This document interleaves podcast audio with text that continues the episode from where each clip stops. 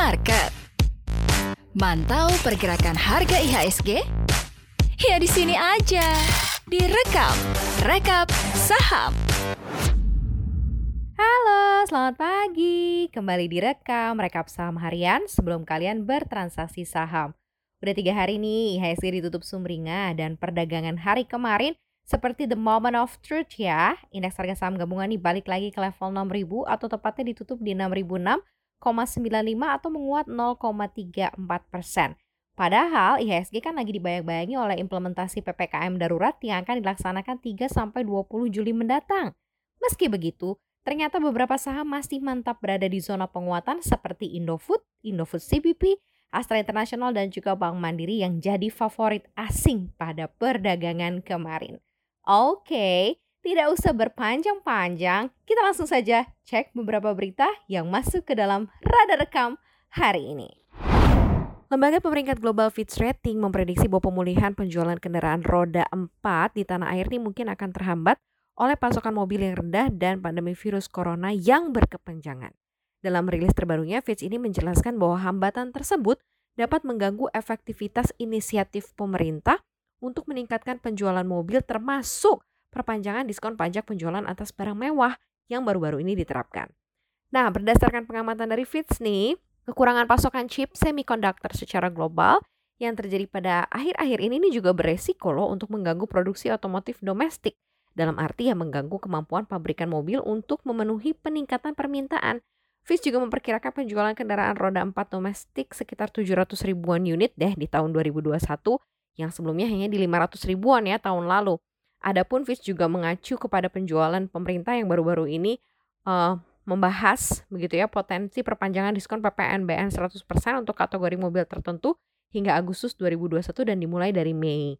Beberapa produsen mobil misalnya nih kayak Mitsubishi, Suzuki mengatakan kepada Fitch bahwa kekurangan chips ini belum berdampak kok pada produksi mobil lokal mereka hingga saat ini. Tapi karena adanya informasi pastinya membuat uh, ketar-ketir saham-saham otomotif ya kan. Misalnya nih, seperti saham Astra Internasional yang masih tertekan 16% sepanjang tahun ini dan juga saham IMAS atau Indomobil Sukses Makmur Internasional yang masih tertekan 41,91% sepanjang tahun ini. Kira-kira nih, Sobat Cuan mau cicil beli nggak? Next. Yang masuk radar rekam selanjutnya ada Bank Digital BCA, anak usaha dari PT Bank Sentral Asia BBCA yang difokuskan sebagai bank digital berencana akan melantai di pasar modal lewat mekanisme penawaran umum saham perdana atau IPO di Bursa Efek Indonesia. Namun rencana IPO alias go public ini belum akan terjadi dalam waktu dekat ini karena berdasarkan informasi dari Presiden Direktur BCA Yahya Setiatmaja yang juga turut membenarkan bahwa adanya rencana IPO kalau nggak ada halangan, kurang lebih 1-2 tahun lagi Bank Digital BCA diharapkan bisa melantai di pasar modal. Meski demikian, Yahya juga belum bisa merinci nih lebih lanjut mengenai target besaran jumlah saham maupun harga yang akan dilepas ke publik. Bank Digital BCA adalah salah satu dari tujuh bank yang saat ini dalam proses menjadi bank digital bersama seperti PT BRI Agroniaga atau Agro, PT Bank Neo Commerce, BBYB, dan Bank Capital TBK atau BACA. Ada pula ada Bank Harda Internasional BBHI dan Bank QNB Indonesia, BKSW, dan Bank Cap Hana. Dari EVP Sekretariat dan Komunikasi Perusahaan BCA, Hera F. Harin juga mengatakan nantinya Bank Digital BCA ini akan uh, beroperasi melalui aplikasi Blue. Wow, siapa yang nggak suka dengan bank capek antri yang satu ini ya BCA? Kalau kita lihat nih BCA sendiri performanya cukup bagus ya karena kemarin ditutup di level harga Rp30.125 per unit saham. Hmm, ini sebenarnya sih koreksi dari highest levelnya ya. Berminat punya BCA? Next. Selanjutnya ada informasi dari PT Jasa Marga, TBK atau JSMR yang tampaknya masih tertekan pada periode kuartal pertama tahun ini. Berdasarkan laporan keuangan yang sudah dipublikasikan, di hari Senin lalu Jasa Marga ini menyusut laba bersihnya 70,46 persen menjadi 161,83 miliar pada periode yang sama di tahun sebelumnya. Emiten BUMN ini memang mencatatkan penurunan pendapatan 16,51 persen menjadi 3,49 triliun rupiah di kuartal pertama dan rinciannya karena pendapatan tol ini menyumbang 2,54 triliun pendapatan dari usaha lainnya yang berkontribusi 215,59 miliar dan pendapatan rekonstruksi pun juga hanya 736,73 miliar. Oke, memang tertekan banget ya karena kondisi pandemi. Jadi ini juga termasuk repot nih buat usaha jalan tol. Tapi untuk tahun ini, Jasa Marga ini akan mempertahankan laba bersih perusahaan tetap positif dengan menyeimbangkan pertumbuhan dan kesinambungan finansial untuk membangun ketahanan di mana jasa, jasa marga melakukan beberapa inisiatif.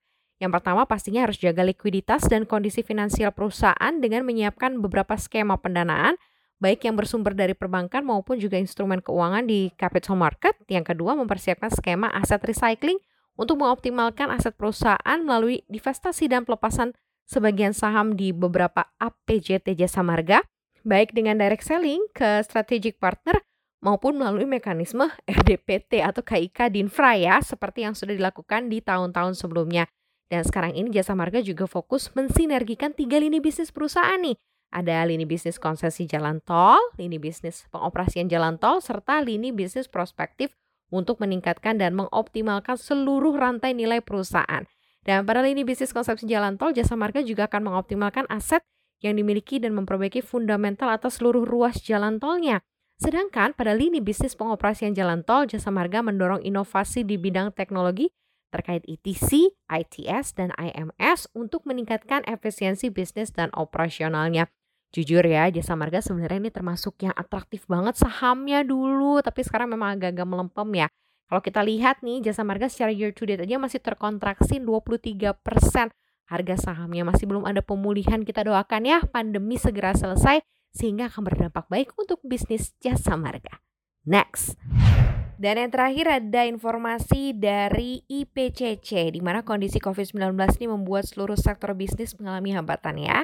Namun seiring dengan waktu yang berjalan ternyata PT Indonesia Kendaraan Terminal TBK IPCC sudah mulai mengalami peningkatan kinerja nih memasuki kuartal 3 2021. Di mana Investor Relation PT Indonesia Kendaraan Terminal IPCC Reza Priyambada mengatakan bahwa strategi dari manajemen di kuartal 3 2021 ini adalah melakukan transformasi kegiatan bisnis sehingga dapat lebih efektif dan efisien. Kemudian juga terus mengupayakan untuk peningkatan reformasi perusahaan untuk bisa melebihi kinerja di kuartal 1 2021. Dan sebagai informasi ya, pencapaian IPCC di kuartal 1 2021 ini mencatat pada segmen pelayanan jasa terminal sebesar 111,52 miliar rupiah, segmen pelayanan jasa barang sebesar 6,72 miliar rupiah dan segmen pelayanan rupa-rupa usaha 1,14 miliar rupiah dan ada juga nih segmen pengusahaan tanah, bangunan, air dan listrik sebesar 553,29 miliar rupiah.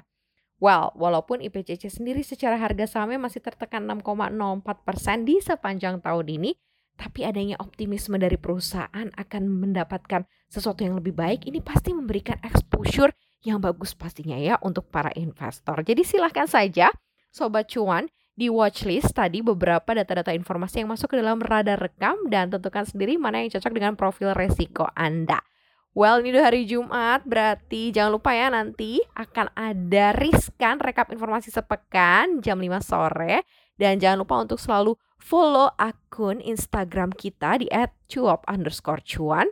Dan follow juga YouTube channel kita di cuap cuap cuan. Dengerin kita terus ya, kita akan selalu setia memberikan informasi-informasi berharga. Selamat menyambut akhir pekan. Sampai jumpa hari Senin. Bye-bye.